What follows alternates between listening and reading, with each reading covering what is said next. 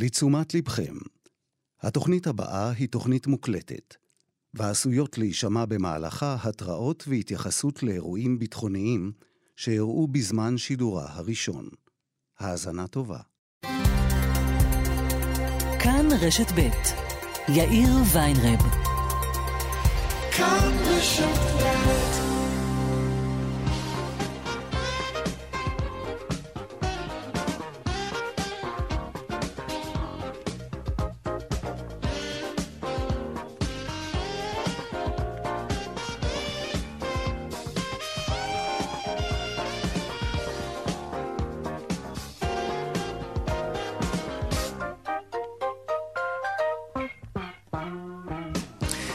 ארבע וכמעט עוד שבע דקות כאן צבע הכסף ברשת ב', שלום לכם, רונן פולק הוא עורך התוכנית בהפקה רחלי לוי, על הביצוע הטכני היום דני רוקי, הדועל של צבע הכסף.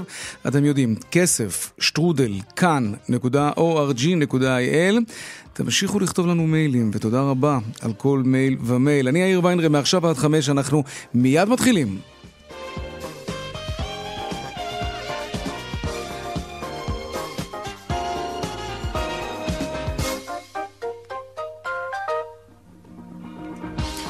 כותרות צבע הכסף תחילה, הלך לעולמו השר לשעבר אברהם בייגה שוחט, הוא היה בן 88, שוחט היה ממייסדי קיבוץ נחל עוז והיה ראש עיריית ערד במשך יותר משני עשורים.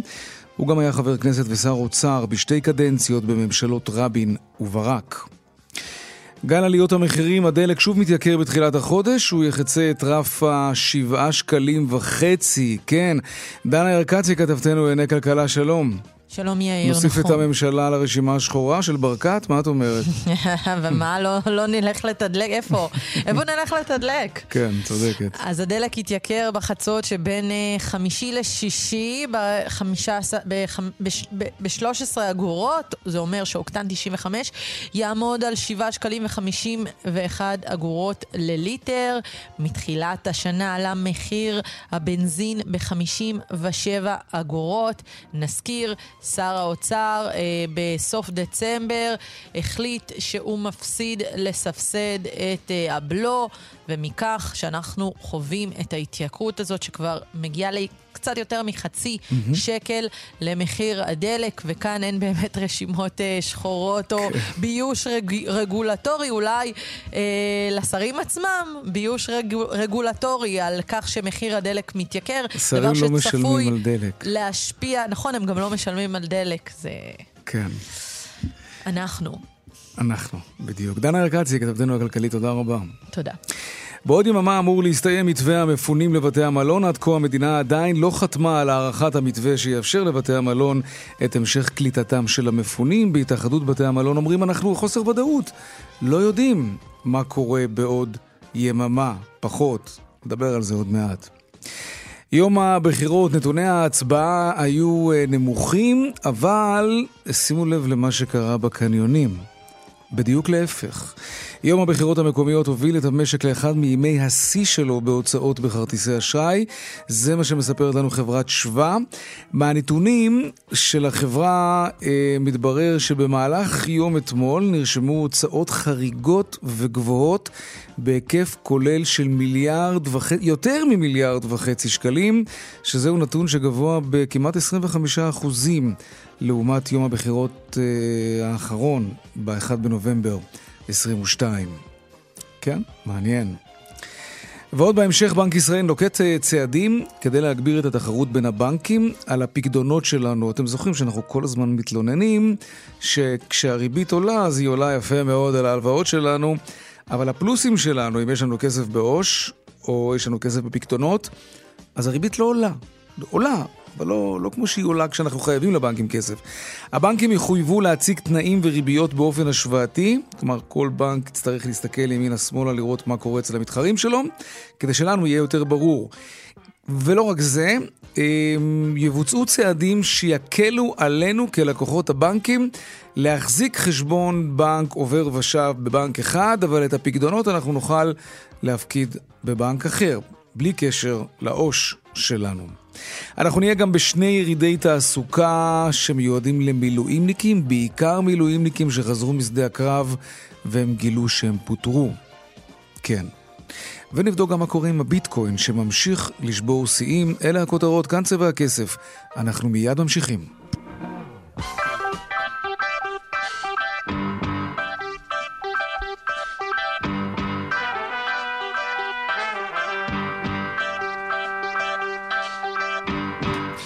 טוב, אז כאמור, 24 שעות לסיום מתווה המפונים, והמדינה עדיין לא אישרה את הארכת השהייה של המפונים במלונות. שרון עידן, כתבנו שלום. שלום, שלום אה, יאיר.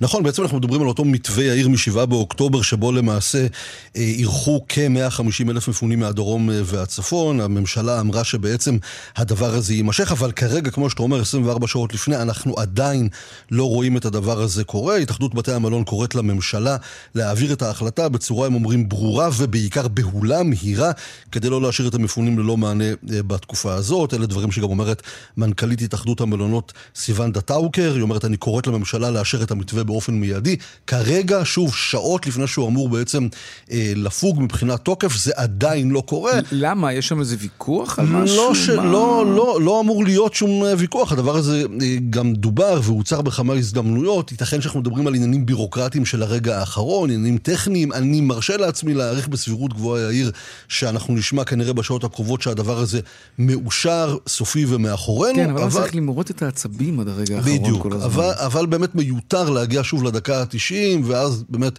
לחכות ולראות את הדבר הזה קורה. אנחנו מדברים על באמת הרבה מאוד אנשים שמחכים לשמוע את זה, ושוב, כ-150 אלף איש מ-7 באוקטובר, שבעצם אה, אה, היו במתווה הזה של אותם אה, בתי מלון, מספרים באמת גבוהים, כדאי באמת שהממשלה mm-hmm. תזדרז ותיתן את האור הירוק לטובת כולם. בהחלט. שרון עידן, תודה רבה. תודה, יאיר. בנק ישראל אומר שהוא עושה היום אה, כמה צעדים להגברת התחרות בין הבנקים. אם המהלך הזה יאושר, בין היתר תוכלו להחזיק חשבון עו"ש בבנק אחד ואת הפקדונות שלכם בבנק אחר. אנחנו רוצים לשמוע עוד פרטים על המהלכים האלה. שלום גרנית אופק. שלום. מנהלת יחידת ההסדרה בפיקוח על הבנקים. על מה בדיוק מדובר? בעצם מדובר בשתי טיוטות שאנחנו פרסמנו היום להערות הציבור. Mm-hmm. הראשונה מהן באמת מדברת על מה שאתה אמרת בפתיח שלך, של אה, הפקדת פקדונות בבנקים ללא עוש. רגע, אנחנו קצת מתקשים לשמוע אותך, גרנית. אה, אם את באוזניות, אז עכשיו, נוותר. עכשיו יותר או, טוב? מה, זה דרמטית הרבה יותר טוב, כן. אוקיי. אז מדובר בשתי טיוטות שפרסמתם להערות הציבור. אחת מהן באמת מדברת על האפשרות של לקוחות בנקים להחזיק חשבון עו"ש בבנק אחד ואת הפקדונות בבנק אחר. נכון, okay. והשנייה מדברת על מידע, מיד נדבר עליה. אז okay. באמת ההוראה הראשונה היא מדברת על מה שאנחנו קוראים לו מערכת סגורה. שמערכת סגורה זה לא דבר חדש, זה כבר קיים, אנחנו מכירים את זה היום בבנק ירושלים, ולאחרונה גם בנק מזרחי התחיל לעבוד בזה, וזו מערכת שמאפשרת לפקיד פיקדון, כן. בלי כל הנושא של פתיחת חשבון עו"ש. וזה הרבה אין יותר את התנאי הזה. רגע, אז אם זה כבר קיים, אז מה, מה בעצם היה לפרסם בטיוטה? אז זהו, אז מה שאנחנו עכשיו עשינו, בעצם המערכת הזאת זו מערכת מאוד ישנה, זה משהו שנכתב מזמן. כן. והיה צריך קצת לרענן, קצת לעשות בזה שיפורים, כדי שיותר בנקים יהיה להם מוטיבציה לעשות בזה שימוש. אנחנו חושבים שזה דבר טוב, mm-hmm. ושכדאי לעשות את זה. אז עשינו כמה שיפורים שם. סתם לדוגמה, עד, עד לא מזמן, האמת שזה עדיין, עד שזה יהיה בתוקף, ברגע שהפיקדון נסגר, כן. גם אם אתה רוצה להמשיך שהכסף יהיה במקום שבו הוא נמצא, אתה לא יכול. הכסף חוזר לבנק הישן ואתה צריך לעשות את כל התהליך מחדש. אוקיי. וזה חסם שמפריע ללא מעט אנשים. אז הסרנו אותו, וזה כבר לא יהיה המצב. אבל, אבל את יודעת, גרנית, למשל, סתם דוגמה מהשנה האחרונה, כן? בנק 1-0 אה, שבר את השוק שהוא הציע יופי של ריבית על פקדונות, יופי באופן יחסי כמובן ליתר בנקים. אתם יודעים להגיד כמה משקי בית עשו את זה? כי לי... זה מרגיש שהלקוח הישראלי הוא מאוד שמרן, נדמה לי שגם מחקרים שלכם מלמדים שהלקוח הישראלי אה, הוא מאוד שמרן, והוא לא אוהב להתעסק עם הכסף פה והכסף שם, והוא צריך את הכל תחת אכסניה אחת. אתם חושבים שהמהלך הזה באמת יכול להביא לשינוי? אז זהו, אז זה באמת מביא אותנו לצד, הש... לצד השני שלנו, שנותן איזה כן. מעטפת יותר מלאה, וגם נותן מענה ללקוחות, כמו שאתה דיברת, הם אלה שמעדיפים להישאר באותו המקום, וזה הצעד של הפרסום של שיעורי הריבית. ואתה בטח כבר מכיר שבנק ישראל עשה אה, צעד אחד של פרסום דשבורד באתר שלו, כן. אבל זה איזה שהם נתונים שהם אה, לא נכון להיום, הם אה, לא מעודכנים, ומה שאנחנו רוצים לעשות בהוראה החדשה, זה שהבנקים יציגו באתרים שלהם, שזה גם יותר אינטואיטיבי. לקוח שהוא מחפש מידע, הוא מחפש באתר של הבנק, הוא לא נכנס לאתר של בנק ישראל בדרך כלל. אז uh, מה שיהיה שם זה שיהיה רשימה של uh, מוצרים בסיסיים שאנחנו מיפינו. אנחנו חיפשנו את המוצרים הנפוצים, ועבור המוצרים האלה יהיה מידע אחיד בכל הבנקים. ככה יהיה יותר קל לבדוק גם בבנק שאתה נמצא בו וגם בבנקים אחרים מה ההצעה הכי טובה. כלומר, זה יגביר בעצם את השקיפות. כן. תגידי, אבל נגיד מהלך, נחזור רגע למהלך הקודם, העובדה כן. שלקוחות יוכלו אה, להחזיק את הכסף שלהם בפקדונות בבנק X ואת העובר ושב בבנק Y, והם לא יהיו מחויבים לפתוח עוד חשבון עובר ושב אה, בבנק שבו הם מפקידים את הפקדונות. אה, יש לכם נתונים מהעולם לדעת אם אפשרויות כאלה או עידוד של יכולות כאלה באמת גרם לתחרות בין הבנקים להתגבר לטובת הלקוח? בעולם זה בדרך כלל ככה. בעולם החשבונות הם אה, מפורקים, אנשים אה, מפקידים כספים ב savings account, ויש להם עו"ש במקום אחר, וזה מובנה ככה. בישראל המערכת בנויה אחרת, ובגלל זה היה צריך לעודד... אה, היה צריך לעודד. אז למה חשבו על זה רק עכשיו, אני חייב לשאול? כלומר, אם זה באמת משהו שיכול לגרום לצרכן הישראלי לפזר את הכסף שלו בצורה יותר גמישה, כדי שהוא יקבל בשבילו תמורה יותר טובה בחסות התחרות הזאת, אז למה רק עכשיו הרעיון הזה עולה? לא חשוב רק, רק עכשיו, זה מערכת מאוד ישנה, זה כבר הרבה מאוד שנים כן. שההוראה הזאת קיימת, והמערכת הזאת קיימת, ובנק ירושלים פועל בה הרבה מאוד זמן.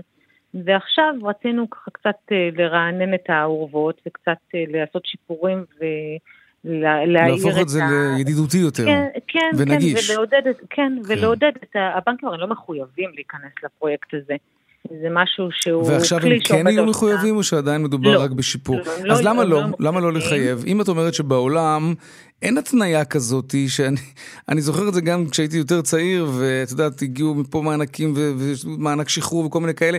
איפה שלא רציתי לשים את הבנק, שביררתי איפה אני יכול לקבל בשבילו תמורה יותר טובה, תמיד היו אומרים, אה, אה, אה, אה, קודם כל תפתח חשבון עו"ש, ורק אחר כך נדבר על להפקיד את הכסף. אז למה לא לחייב את הבנקים פשוט לאפשר לישראלים לבוא ולהפקיד כסף בלי קשר לעו"ש? המטרה שלנו היא פה לעודד את התחרות, ואתה לא מעודד את התחרות עם אה, שוט. לעודד את התחרות זה לגרום להם לרצות להתחרות. אבל זה כשל שוק כזה. שיהיה להם כלים בידיים. לא. אה, לאו דווקא, יודע, היום לפתוח חשבון עו"ש זה דבר, זה לא כמו שהיה פעם, פותחים חשבון עו"ש בתהליך מקוון מהיר, זה כן. לא כל כך מורכב. ואם יש בנקים שדווקא רוצים להתחרות מהכיוון הזה ולהציע גם תנאי עו"ש משופרים, זה גם יכול לשחק לטובת לקוח.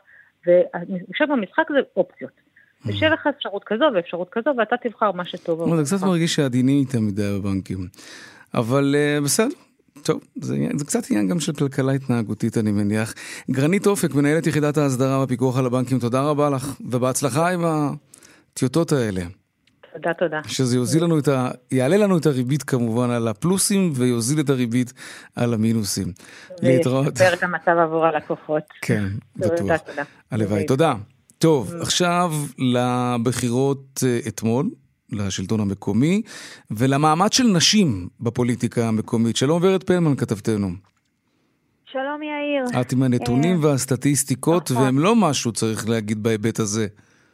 לא, הם לא, אה, הם לא, בעצם לא, לא חלה איזושהי התקדמות, לצערנו הרב, בגזרה הזאת mm. של נשים ברשות מקומית. או עיר. אה, אנחנו מדברים על כך שאמש נבחרו 4, 14 נשים ועוד שלוש התמודדו בסיבוב השני, בין היתר בערים אה, בית שמש, יהוד מונסון וגם אה, פרדס חנה כרכור במועצה שם. לראשונה יש לנו נשים שנבחרו ברשויות כמו שוהם, קריית אונו, עמק יזרעאל, כוכב יאיר, גן רבה ואורנית, שזאת אה, בשורה מבחינת הרשויות אה, הללו, אבל במקומות אחרים החליפו אה, גברים בנשים, שמטבע הדברים יש בחירות וכולי, אבל אנחנו לא רואים את הביטוי הזה של אותו מאבק שטח של ארגוני נשים, עלייה במודעות, העלייה במספר הנשים שהתמודדו יאיר לראשות המועצה או העירייה, כי אנחנו מדברים על 86 נשים שביקשו לעמוד בראש רשות בבחירות האחרונות, לעומת 72 שהתמודדו בבחירות הקודמות 2018, כך שחל איזשהו גידול, אבל הוא לא תורגם פה אה, לאותם, אה, בפרופורציות, לגידול באמת בהיבחרות של אותם נשים, אבל צריך לציין גם שבשש רשויות מפונות, כן. יש גם נשים שמתמודדות והבחירות יערכו אי שם, כרגע אנחנו יודעים על נובמבר, אה, לא ברור אם זה גם אה, יקרה אז. אה, אז כך שאנחנו מדברים על יציבות, אה, באיזושהי יציבות. יש לומר, במינויים, בהיבחרות, כן. סליחה. ויש לנו גם איזושהי התייחסות, נכון, שרצית להשמיע נכון. לנו לעניין הזה. נכון, נכון, נכון, התייחסות של עורכת הדין ענת אה, תיאון אשכנזי מהמכון הישראלי לדמוקרטיה, היא ערכה את הניתוח הזה, ואני מקווה שאנחנו הנה. יכולים אה, לשמוע אותה. כן. רגע. לקוות שההבנה ההולכת וגוברת בציבור לחשיבות ייצוג שוויוני של נשים תתורגם לעלייה דרמטית במספר ראשות רשויות. אבל בניתוח התוצאות מסתמן שאין עלייה כזו ואחוז הנשים בראש רשות ייוותר בין חמישה אחוז כפי שיש היום למקסימום שמונה אחוז מכלל הרשויות לאחר הסבב השני והבחירות ברשויות בעוטף ובצפון. יחד כן. ורד פלמן, כתבתם, זה- תודה. תודה. תודה שהעלית את הנושא החשוב הזה, וכמובן גם על הנתונים. Uh, תודה ורד. עכשיו אנחנו נדבר על העתיד של העוטף. יש מי שצופה, למרות הטרגדיה העצומה, צופה לעוטף עתיד אפילו מזהיר. שלום דורית בנט, שלום, שלום. מנכ"לית אילת אילות. כן. ואת צופה לחבל הארץ הזה עתיד מצוין בכל מה שקשור לאנרגיה סולארית. תסבירי. אני לא יודעת אם אני צופה לו עתיד מצוין, אני יכולה להסביר מה הפוטנציאל. כן. היום בחבל הזה אה, יש בעצם על פי הרגולציה הקיימת, שהיא שטחים לייצור סולארי על גבי שטחים חקלאיים, פלוס הגדלה שרמ"י, אה, רשות מקרקעי ישראל נתנו להם אה, לאחר אה, השבעה באוקטובר.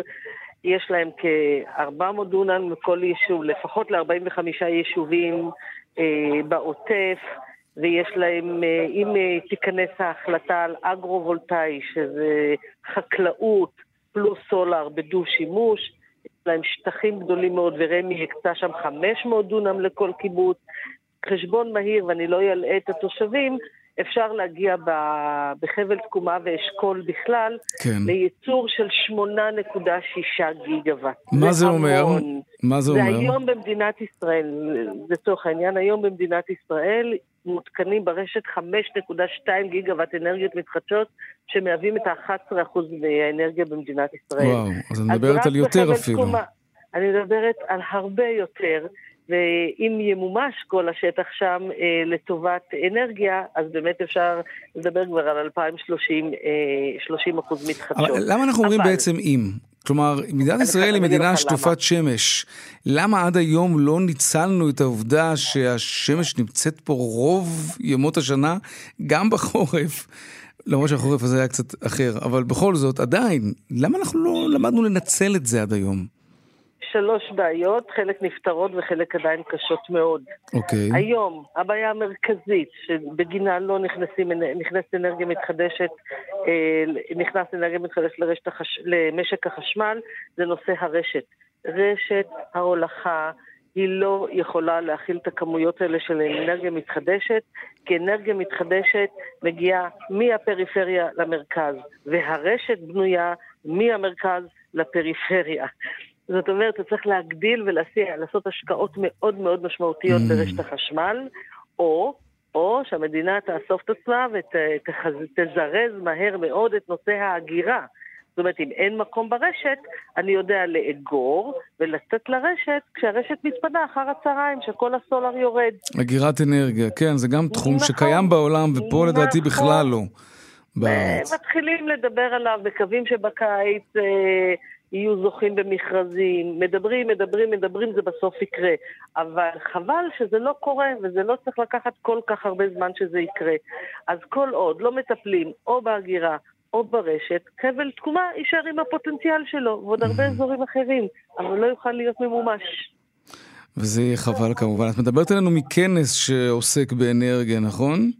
נכון, אנחנו פה, אתה, אני מדברת איתך ממלון דן באילת, יש פה כנס של אה, מעל 900 איש אה, מהקהילה, מכל החברות, אה, מהממשלה, ממשקיעים, אפילו אורחים מחו"ל, יש פה את המעט שיש, שעשו את המאמץ והגיעו. וזה כנס מהמם שבו מדברים על כל שנתיים על עתיד אנרגיה של מדינת ישראל, וככל ש... זה כנס עשירי. ואני רואה איך שהמושבים מתפתחים, והדיבור נעשה מקצועי יותר, ויותר ויותר מגזרים נכנסים. יופי, מעודד. ואני חושבת שהבשורה הגדולה בכנס הזה מבחינתי, שנתגז, חברת נתיבי הגז בישראל, מגיעה לכנס הזה בהרכב מלא, כולל היורית, ומדברים פתאום על מימן ירוק. ומדברים על האפשרויות של איך מביאים אה, אנרגיה דלת פחמן למדינת ישראל, וזה הישג. כן, ללא ספק. דורית בנט, מנכ"לית אה, אילת אילות, אנחנו מודים לך. תודה רבה לכם. להתראות. להתראות, ביי. ביי. אנחנו נצא, או, לפני הפרסומות, נבדוק מה קורה בכבישים קודם כל.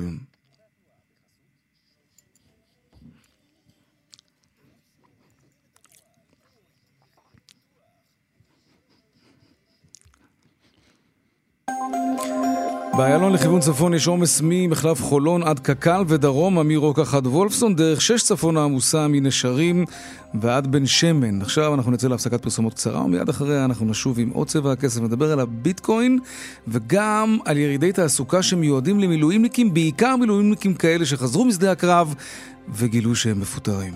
מיד חוזרים. אנחנו בהחלט כאן, כאן צבע הכסף, ארבעה וחצי כמעט בדיוק. עכשיו לביטקוין ובכלל לקריפטו, למטבעות הדיגיטליים. עסקנו בהם לאחרונה על רקע ההתחזקות שלהם, אנחנו רוצים להמשיך לעסוק בנושא הזה איתך, פרופסור אילן אלון, שלום. דיקן בית הספר לכלכלה אה, במכללה למינהל ומומחה בכלכלה של הקריפטו. תגיד, מה זה, נתחיל באיזשהו מושג, אה, מה, מה זה אירוע החצייה שמדברים עליו עכשיו בהקשר הזה של הביטקוין? אירוע החצייה, אני אומר את זה נכון? כן, כן, כן. אתה אומר את זה נכון, קוראים לזה באנגלית הלווינג איבנט, אוקיי. שזה בעצם uh, משהו, אירוע שקורה כל ארבע שנים בעולם הביטקוין. שבאירוע הזה כמות הכסף החדש, המונפק, כן. יורד ב-50 אחוז. זאת אומרת שבעצם הערך שלו בדרך כלל עולה, כי ההיצע יורדת. Mm-hmm. כלומר, כמו כל דבר שיש לו ביקוש ואתה תדלל אותו למדפים, אז הוא יהפוך להיות יותר יקר. אז זה, זה מרגיש כמו... וזה, וזה באמת אחת התובנות של mm-hmm. ביטקוין כמין סוג של נכס חדש. אז זה מה שקרה לאחרונה, שראינו פתאום שהוא שובר שיאים חדשים, חוצה את ה-50 אלף דולר. זה בגלל נכון. אותו אירוע חצייה, שבעצם קצב הנפקת המטבע, אם, אם אני מגדיר את זה נכון, אה, נכון. הפך להיות יותר איטי. נכון, ב-50 אחוז יותר איטי. ב-50 אחוז יותר, וככה זה אמור להיות כל ארבע שנים? נכון, וכל ארבע שנים זה יורד עוד פעם ב-50 אחוז, עד שבעוד יותר מ-100 שנה בעצם כבר לא יהיה מטבעות חדשים, שזה יגיע ל-21 מיליון מטבעות. אבל מי, מי שולט בזה? כלומר, אתה יודע, המטבעות המוסדרים של מדינות מסודרות ומתוקנות, יש נגיד בנק ישראל שמחליט על גובה הריבית, וככה הוא בעצם שולט בערכו של הכסף. פה. באירוע הזה, מי מנצח על הדבר הזה בכלל? אז, אז השקל זה כסף ריבוני, ובאמת יש לך את הבנק המרכזי שמחליט כן. אה, בכמה להגדיל את כמות הכסף כל שנה. אבל שתבין, בעצם הכסף הריבוני גודל כל שנה, כל הזמן. כי האוכלוסייה גדלה, הוא... זה ברור, צריך יותר כסף. אז, אז, אז מה, מה זה אומר? זה אומר שאם היית מחזיק אה, לירות, אם סבא שלך היה מחזיק לירות אה, מתחת לכרית, החזיק, לבלטות, הם בטח לא היו שוות כלום היום. נכון. והסיבה לכך שבעצם אין הגבלה לכמות הכסף. הכסף גודל יחד עם הכלכלה, ויחד עם הביקושים. ויש לזה היגיון, כן? כשאתה מנהל כלכלה וכשאתה רוצה להאיץ את הכלכלה, אתה יכול להוריד את הריבית או להעלות את כמות הכסף, ואז לגרום ליותר נזילות אה, ולכלכלה לצמוח. אוקיי. פה זה כלכלה... הפוך בעצם אה, קורה. שהיא בתוך עצמה, כל כלכלת הקריפטו זה בעצם הכלכלה החדשה. זה, זה בעצם אה, מהפכה מתרבותית, כלכלית ואפילו פוליטית. אתה, אתה, אתה אומר את זה לחיוב או לשלילה? אה, תלוי איך אתה, אתה יודע, מה נקודת מבט שלך. אני רואה את זה כדבר חיובי, כי בעצם מה שהביטקוין מהווה זה בעצם חופש כלכלי. החופש הכללי זה אומר... חופש גלובלי, שבעצם... לא צריך להמיר שום דבר, כל העולם מכיר או לא מכיר, או בעתיד יכיר במטבע הזה. כלומר, אני לא... אתה לא צריך לסמוך על הריבונות, שתדאג ליציבות של המטבע. תחשוב ש, שביטקוין בהרבה מדינות זה, זה איזה מין סוג של uh, ביטוח. צריך למשל את uh, ונזואלה או ארגנטינה, או, או כל מדינה שחוותה אינפלציה מאוד גבוהה. כשהכסף המקומי הריבוני איבד מהערך. יכלו לקנות ביטקוין ולהשאיר אה, את הערך שיש כן, להם. כן, אבל פרופסור אלון, אתה, אתה בוודאי זוכר שהיו מקרים, ולא מעט כאלה לדעתי, שאנשים החזיקו בביטקוין ששווה 70 אלף דולר. ובחלוף יומיים שלושה, אתה יודע מה, אולי אפילו בן לילה הם קמו והוא נחתך בחצי, הוא פתאום שווה 30 אלף דולר. התנודתיות של מטבע שהוא איננו ריבוני ואין מישהו שמפקח עליו, או שומר על איזושהי סביבה של איזונים ובלמים למטבע, זה מאוד מסוכן. אה, קודם כל, יש בזה יותר הרבה תנודתיות. אחת מהסיבות שיש לזה, היה לזה המון תנודתיות בעבר, אה, זה שזה בעצם אה, פתוח לשוק החופשי. כל אחד יכול לקנות או למכור. אבל דבר אחד שאנחנו כן יודעים, שההיצע בסופו של דבר תהיה מוגבלת. עכשיו, מה, מה, מה עם הביקוש? הביקוש נראה שהוא עולה משנה לשנה, ו, וכמות הארנקים וארנקי ביטקוין עולים משנה לשנה, וזה בזמן שרוב האנשים, עדיין האסימון לא נפל להם, מה זה בעצם ביטקוין? אני חושב שרוב האנשים אפילו לא חושבים על מה זה מהות הכסף, מה נכון. זה כסף. הרבה רודפים אחרי כסף, אבל באמת לא חשבו על זה. לעומק, מה זה כסף, מה היתרונות של כסף ומה הפונקציות החשובות של כסף. טוב, נתחיל עם זה שזה אחת ההמצאות הכי גאוניות של האנושות. אה, שזה... קודם כל זה נכון מה שאתה אומר, זה... כי זה בעצם נותן לנו... זה סוג של כוח עליון בינינו. אחד עם השני, אבל כן. אגב, הכסף, מהות הכסף, הדרך שאנחנו משתמשים בכסף השתנתה רדיקלית. ועד 1971 היה לנו שיטה שבנויה על הזהב. נכון. ומ-1971 עד לפני זמן uh, קורונה לא היה בעצם uh, שום אלטרנטיבה לדולר. היה, הדולר, יש, יש מדינות שהצמידו את המטבע שלהם לדולר, יש כאלה שהצמידו נכון. את זה נכון. לדו, לזהב. נכון מאוד, uh, אבל בוא, בוא, אתה אגב, תמיד בוא חייב משהו שיש לו ערך, כדי שתוכל לבנות עליו. כן, אבל בוא נחשוב על הדולר לשנייה. כן. מה אם אתה עכשיו היית, לא יודע, אזרח רוסי, אפילו מדינת רוסיה, כן. עכשיו אתה זקוק לדולרים שחסכת למשך הרבה שנים לקנות את הצרכים של המדינה או את הצרכים האישיים שלך, mm-hmm. ופתאום אין לך גישה. חזרנו ל- ל- לרעיון הזה של אה, חופש כלכלי. נכון. זאת אומרת, הריבונות של הדולר גורמת לזה שעכשיו אתה תלוי בארצות הברית. אה, אז אתה אומר שרוסים שיש להם ביטקוין, יש להם גישה בעצם לסוג של מטבע חוץ, אם נקרא לזה ככה, בשפה פשוטה. לגמרי, mm. לגמרי. אוקיי, זה אה, מעניין. תגיד, אבל מתי... ואגב, זה גם דבר טוב, כי ממשלות יכולות, אה, גם ממשלות טובות, גם ממשלות דמוקרטיות, כן. יכולות להפוך לרוב. יכולות להשתמש בזה. וגם ארגוני טרור שמענו, וכל מיני מאפיות וכאלה שמשתמשים במטבעות האלה כדי להלבין כסף, או להעביר כסף, יותר נכון, ממקום למקום. שמענו על זה, אבל תדע לך שזה מיעוט. מדובר פה אה, בתחקירים האחרונים של צ'יינלסי, שמדובר בפחות מאחוז כל הטרנזקציות קשורות לפשע או, או לטרור. אחוז? ו, ולעומת זאת, הפיאט, או הדולר, השטרות כן. דולר והשטרות אה, שקלים, אגב, ראינו אותם הרבה גם בעזה עכשיו. נכון. אה, נכנסנו וראינו מזוודות, מזוודות מלאות בשקלים. מיליונים. עכשיו השאלה, למה חמאס לא משתמשים בביטקוין ביותר, אה, באופן mm-hmm. יותר סדיר? ו... כי מאוד קל לזהות. אחד מה... אחת מהתובנות של ביטקוין שהלג'ר הוא פתוח, כל אחד יכול להיכנס ולראות את התזרימים, מאיפה הם באו ולאן הגיעו. כן. בדיוק. אולי עם טביעת לא אצבע, ואתה לא יודע... זה נשאר לעולמי עולמים. כן. כן אולי, זה לא משהו שנעלם אחרי נכון. כמה זמן. אולי עם טביעת אצבע, אבל אתה יכול לראות את המסלול, ואז לפי זה להבין. פרופסור אילן אלון... לא רק את המסלול, באיזושהי כן. נקודה הכסף צריך להיכנס ולצאת. נכון. ואז, ואז ברור, כי זה דיגיטלי. אנחנו, אנחנו יכולים אפשר לתפוס את זה. בניגוד למזוודות כסף, כן, שאפשרו, שאפשרו להם במשך שנים להעביר. פרופסור אילן אלון, דיקן בית הספר לכלכלה במכללה למינהל ומומחה בכלכלת הקריפטו, תודה רבה לך על השיחה הזאת וההסברים. תודה רבה לך, להתראות, ערב טוב שיהיה. טוב, על רקע פיטורי המילואימניקים, אה, יש יוזמה חדשה של חברת צ'ק פוינט, יריד תעסוקה שמיועד לאנשי מילואים כאלה, או לא רק כאלה. שלום גיל מס. מסינג.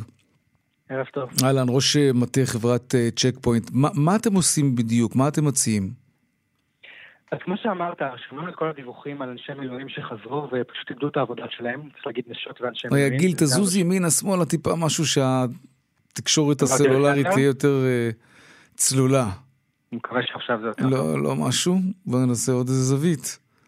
שומע אותי בסדר? אה, מעולה, אל תזוז, כן. מצוין. בכל מקרה, כמו שאמרת, יש הרבה נשות ואנשי מילואים שחזרו uh, מהמילואים ופשוט איבדו את העבודה שלהם. כן. וראינו את זה והחלטנו לעשות לגבי זה משהו, ופנינו להרבה מאוד חברות אחרות uh, בעולם ההייטק. אה, לא רק אתם, אוקיי. ביחד, לא רק אנחנו, אנחנו מארחים את זה, אבל הגענו ל-15 חברות נוספות, שמייצגות ביחד יותר מ-1,500 משרות שכרגע פתוחות ונשמח לאייש אותן. ופנינו למילואימניקים, לנשות ואנשי המילואים, ואמרנו להם, חזרתי מהמילואים, לא רק אם איבדתם עבודה, בכלל אם אתם מחפשים עבודה, כן. תבואו אלינו היום ליריד גדול שאנחנו עושים, יחד עם כל החברות האלה, במטרה שפשוט יוכלו לבוא ולראות איך אפשר לבוא ולהשתלב אצלנו בחברות, בהייטק. מת, מתי היריד הזה קורה? הוא מתחיל בשש, היום בערב היום אצלנו. בצ'קפוינט בתל אביב, כן. והוא יהיה מורכב גם באמת מנציגים של אותם חברות שיציעו את מרכולתן, Mm. אבל לא פחות חשוב מזה, הרבה מאוד הרצאות שאנחנו נעשה, פשוט הטיפים לאנשים שחזרו ממילואים ואיך לחזור לחיים, החל מרמה אישית ואפילו נפשית. חשוב מאוד. עובר דרך אה, קורות חיים ואיך להגיש ומה לעשות, ופשוט איך. אפשר לבוא ולהשתלב. כמה משרות. הצלחתם לאסוף? אנחנו קרוב ל-1,600 משרות Mm. מכל החברות האלה גם ביחד. אצלכם בשנייה. בצ'קפוינט? יש הרבה אנחנו, יותר, בצ'קפוינט. אנחנו יותר מ-100 חברות, אנחנו יותר מ-100 משרות מחפשים לאייש עכשיו, מהמם. אנחנו גדלים ושמחים להמשיך לגייס, אבל גם חברות אחרות בהייטק, אגב, גם רב-לאומיות וגם ישראליות פרופר, יש הכל מהכל, והרעיון הוא יפה. באמת לא רק ביחס ליריד הזה, אלא בכלל להגיד, יש משרות, ואנחנו מבינים את הצורך, ואנחנו רוצים להנגיש את זה לכל מי שחזר מהמילואים ונתן לנו הרבה, קראנו לאירוע הזה תודה ועבודה, כי אנחנו רוצים להגיד תודה. יפה, על משקל. תורה ועבודה, זה מדהים. כן. אה, תגיד רגע, ומה, כמה נרשמו כבר ליריד הזה? כאילו, אנחנו מצפים לקרוב ל-2,200 אנשים מה אתה שיגיעו אומר? לנו הערב. רק כן, מילואימניקים? כלומר, זה התנאי להגיע ליריד הזה? אנחנו ביקשנו, זה מיועד לנשות ואנשי מילואים שחזרו מהשירות. אני מקבל הודעות גם עד אה, לפני שעה מאנשים שממש השתחררו כדי להגיע, או קיבלו איזה אפטר כזה כדי לבוא, וזה טוב. כן. זה מיועד להם, אה, ואנחנו רוצים לעזור להם, והרעיון הוא גם לא רק עכשיו. זאת אומרת, יבואו וישמעו, אבל בעיקר יבינו שזה קיים. הקמנו אתר כזה שאפשר לראות בו את המשרות האלה, ופשוט לעזור לאנשים שאני חושב שעכשיו כן. זה הזמן להחזיר להם בחזרה. אבל אתה יודע, ראינו, לפחות בתחילת המלחמה, אה, ראינו הרבה מילואימניקים שבאמת, הי- הייטקיסטים והייטקיסטיות, שאיבדו את המשרה שלהם, אבל הנתונים האחרונים של שירות התעסוקה מראה שדרישות מבקשי העבודה, מחפשי העבודה, המספר שלהם ירד. כלומר, יש איזושהי התאוששות מסוימת בענף, אבל הוא לא בשיאו, נגדיר את זה ככה. זאת אומרת, ההייטק עדיין במשבר. שנה- כן, ההייטק הישראלי עבר שנה מאוד קשה, 2023 הייתה שנה רעה להייטק הישראלי, אפשר להסתיר את זה. כן. אה, לא לפני המלחמה, היא הייתה פה תקופה מאוד מאוד לא פשוטה, אבל עדיין אה, יש חברות שמגייסות וחברות שרוצות לבוא ולהביא אנשים ואנשים חדשים וטובים לתוך, לתוך העסקים האלה. אילו תפקידים מחפשים? אלה- אילו האמת היא? שזה, האמת היא שזה הכל מהכל. זה החל מתפקידי הליבה, שבשבילם צריך איזשהו סוג של ידע וניסיון מוקדם יותר אה, טכני, מקצועי, הנדסי, כן. אבל זה גם במשרות שהן שמסביב לנושא התכנותי, משיווק ומשאבי אנוש וכספים וניתוח מידע. והאמת היום, וזה חלק מהדברים שאנחנו גם ננגיש, יש כל כך הרבה דרכים להיכנס לעולם ההייטק בלי ללמוד מדעי המחשב ובלי לדעת הנדסה או דברים מהסוג הזה. יפה. ואנחנו רוצים להנגיש ולהסביר איך לעשות את זה, ולפעמים אפשר להיכנס דרך מקום אחד שהוא לא ממש בתוך ליבת ההייטק, אבל משם להתפתח, והרבה משרות הם גם שם.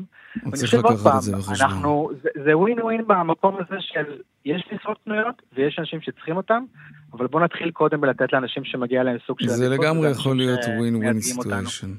גיל מסינג, ראש מטה חברת צ'ק פוינט, אה, תודה רבה על היוזמה הזאת, אני בטוח. שיש הרבה שמודים לכם, והם ימצאו עבודה אז בכלל. תודה. תודה. עכשיו אנחנו רוצים לדבר על אותה מצוקה אה, שקיימת אבל אצל המפונים. שלום דובב גולדשטיין, שלום יאיר. מוביל פרויקט התעסוקה למפונים של החמ"ל האזרחי. אה, מה שנקרא אחים לנשק, אחים לתעסוקה. על מה מדובר? תספר לנו. כן, אז אני אספר ככה טיפה רקע. אנחנו מאז אה, המלחמה, מאז תחילת המלחמה, מאז 7 באוקטובר אה, הקמנו שלל אה, פעילויות שמטרתן אה, לטפל ב... אה, בציר האזרחי, יש גם בציר הצבאי, אבל אני אדבר על הציר האזרחי. כן. אה, כבר מהשבוע הראשון אה, התגייסנו צוות, אה, לא צוות, אה, קבוצה של, אה, בשיא היינו 15 אלף מתנדבים אה, שעשו שלל, שלל רב של אה, פעילויות אה, לטובת הציבור של המפונים, אה, החל מציוד, 700 טון של ציוד ששלחנו, אין סוף אה, משלוחים של, של אוכל, בגדים, כל אחד מהדברים שהיו הצרכים הבסיסיים. ולאט לאט ראינו שהצרכים הופכים להיות צרכים יותר קבועים של מפונים שנמצאו, נמצאים עדיין בבתי מלון בכל רחבי הארץ. והצרכים שלהם הופכים להיות יותר קבועים. אז בהתחלה עסקנו בבנייה של, עדיין, בפתיחה של גני ילדים, כיתות mm-hmm. לימוד וכן הלאה וכן הלאה, וראינו שהצורך התעסוקתי הופך להיות יותר ויותר משמעותי בשני היבטים. אחד, בצורך הכלכלי, שהוא דווקא הקטן יותר. הצורך השני הוא הצורך של ליצירה של, של סדר יום מסודר ושל, כמו שחלק מהמפונים קוראים לזה, סיבה לקום בבוקר. ו... אבל, אבל למה אתה אומר שהצורך התעסוקתי הוא הקטן יותר? כלומר, נושא הפרנסה? כן, אז על זה יקום ויפול דבר, אני מניח. זה, הבסיס שלך להביא פרנסה הביתה. אין, אין ספק, אבל לחלק מהם, חלק מהמפונים, למעשה, אפשר להיכנס סביב הנושא של הטיפול הרגולטורי, אבל חלק גדול מהמפונים בעצם נדחפו על ידי המדינה לבוא ולהיות תלויים בתשלומי רווחה, להיות תלויים בעצם במס, בתשלומים של mm-hmm. דמי אבטלה. חלק, חלק אחר, מי שלא, מכל מיני סיבות לא יכול היה לבוא ולקבל תשלומי, הכנסה מאבטלה, בחר בין, ב, היה צריך בעצם לבוא ולחפש אלטרנטיבות אחרות. לשתי הקבוצות האלה, גם מי שצריך, גם מי שמקבל דמי אבטלה או חל"ת, וגם מי שצריך פרנסה, אנחנו נרתמנו כדי לבוא ולעזור. בנינו צוות של מומחי HR, יש לנו קרוב ל-300 אנשים שהם, כמו בשיחה עם גיל מקודם, גם אצלנו כמעט כל אנשי ה-HR הם אנשים שמגיעים מעולמות ההייטק, למעשה מכל, מכל התעשיות, אבל עם ייצוג גבוה בעולמות ההייטק. מתנדבים כולם, ש... שמגיעים פיזית לבתי מלון, עושים ירידי תעסוקה במלון, עשינו מעל 55 ירידי תעסוקה כאלה בבתי מלון ברחבי הארץ, מטבריה, כן. חיפה, זיכרון, נתניה, תל אביב כמובן, וכן הלאה וכן הלאה. כמה משרות סך הכל אתם יודעים להציע? יש לנו כרגע במאגר 5,000 משרות. וואו, זה המון. כן, עם קרוב ל-900 מעסיקים שונים שנרתמו. צוות המעסיקים. תחומים עיקריים. פנה למעסיקים. זה בגלל שאנחנו ג'נרליסטים בהיבט הזה, והקהל שאנחנו מטפלים בו, יש בו את כל סוגי המקצועות. אוקיי. אז אנחנו בנינו מערך, שהמערך הזה, מערך, מאגר משרות שיש בו ממשרות של נהגים, איך, ועד מתכנתים. ועד מתכנתים. איך אנחנו מגיעים למאגר הזה? איך פונים אליכם? שאלה מעולה, 054-901-7708. רגע, רגע, 054-901? 7708. 7708. לשלוח לנו הודעות וואטסאפ, כן. כל מפונה קורות חיים? מפונה שיפנו אלינו, זה ממש שיחה, אנחנו עושים ליווי אישי, חלק מהאנשים זה טיפול ממש של ליווי קריירה, ועוזרים לאנשים, כל אחד למצוא לו או לימודים, וחשוב. או הכשרות מקצועיות, או משרה, כל אחד לפי מה שהוא צריך. דובב גולדשטיין מוביל פרויקט התעסוקה למפונים של החמ"ל האזרחי, תודה רבה לך. תודה רבה. להתראות. אנחנו נצא להפסקת פרסומות קצרה. ומיד אחרי זה עוד קצת צבע הכסף. אנחנו כאן עשר דקות לפני השעה חמש, עכשיו אנחנו לסיפור הזה, שלום מור חג'בי. שלום, שלום וברכה. ממושב יכיני. אתה נגר, אה, יש לך עסק לנגרות, או יותר נכון, אה, היה לך עד השבעה באוקטובר עסק לנגרות, נכון? אפשר להגיד, כן. כן. ספר לנו מה, מה היה אצלכם באותו יום. בגדול אצלנו למושב חדרו חוליית מחבלים שרצחה במושב שבעה אנשים, ביניהם גם ילדים וגם מבוגרים, גם את דוד שלי, השכן שלו וגם חיילת. וזהו בגדול. אני ומשפחתי, אנחנו היחידים שהצלחנו לברוח בגדול מהמושב, ותוך כדי שיש מחבלים. מה, נכנסתם פשוט לאוטו ונמלטתם? אנחנו לא כל כך הבנו מה קורה, פשוט אה, אחי הגדול הגיע משדרות ליחיני. כן. ובדרך ירו עליהם, היה להם תקלות עם מחבלים, והוא פשוט נכנס למושב, נעל את השערים, אה, ואני אנחנו פשוט ברחנו להורים שלי, שהם גרים כמה בתים מאיתנו, כי אין לנו ממ"ד. כשהגענו להורים שלי, אז אחי ראה אותי ופשוט אמר לי, תברח דרך השטח. כאילו אין לך, אם אתה לא בורח דרך השטח, אכלת אותה. וואי וואי וואי. אה, ספר לא, לנו ו- מה קורה מאז, מה קורה עם העסק שלך, איך אנחנו יכולים לעזור לך. בגדול. מאז אה, העסק לא פעיל בכלל, למרות שיש לו עבודות, היו לו עבודות עתידיות, כן. חוזים וכאלה. אה, והעסק לא פעיל, לא פעיל ולא עובד. אה, לא יודע מתי. למה. אתם מפונים משם? אה, אה, כרגע אנחנו נמצאים בירושלים, כן. אתם ספציפית או כל המושב מפונה? כל ה... רוב המושב מפונה, בעיקר אה, ילדים וכאלה, אז- חקלאים אז אתה לא ורפתנים יכול פחות. בעצם אה, לעשות שום דבר, לא יכול להפעיל את העסק. אה, פנית גם אלינו הלקוחות כי... שלי משם, כן, כאילו פנית... הלקוחות שלי משדרות ו- ומהעוטף, אז ברור. פנית אלינו כי אתה חושב שאם הסיפור שלך יתפרסם, אפשר יהיה אולי לעזור לך. מה, מה אתה צריך? זהו. איך אנחנו אז- המאזינים יכולים לסייע לך? בגדול כרגע אה, בשיתוף עם אחים לעסק, החברה לסולידריות חברתית ואריאל אוזן, שעזרו לי לגייס כספים, אנחנו כן. מנסים לגייס כספים לשקם את העסק, אה, להשלים את הפערים שהיו צריכים להיות, ובעיקר לחדש אותו. אה, ולהיות מוכנים לשלב הבא של, ה... של אחרי המלחמה. ביחיני, כן? אתה לא, ביחיני. לא מחפש להקים אותו במקום אחר. לא, לא, לא, לא, חלילה, רק ביחיד. איך מגיעים אליך? איך פונים אליך? אה, מי שירצה אפשר לסייע. טלפון, אה, מייל. אוקיי, בוא, מה שאתה רוצה. תן את הטלפון. אה, 0506 0506 90 8168, אפשר גם להיכנס לדף הפייסבוק שלי, נגריית אה, מור ארט. אה, וזהו בגדול. ושם אתה מפרט מה, איך אפשר לעזור לך כדי כן. להתפרנס ולהציל את העסק. אני חוזר על, ה, על הפרטים. מור חג'בי, בעלים של נגריה ממושב יכיני, אה, מפונה כמו כל התושבים. אה, באזור הזה הנגריה שלו מושבתת מאז שהמלחמה פרצה. 050-690-8168 ואפשר גם בדף הפייסבוק מור ארט, זה שם הנגריה שלך, נכון? נכון, כן. מור חג'בי, המון בהצלחה, אנחנו מקווים שתוכל לחזור לעסק שלך בקרוב, וכמובן אה, להתפרנס ולפרנס. אתם כולכם. במושב יכיני. תודה. ושהחטופים יחזרו, זה הכי חשוב. אמן, הכי נכון. חשוב. 145 ימים. נורא. תודה. להתראות, ערב טוב. מרוב ההיגיון לא נשאר מקום רועדת לידך והסם שבי עוד לא נגמר נושמת לי ממך והטעם כבר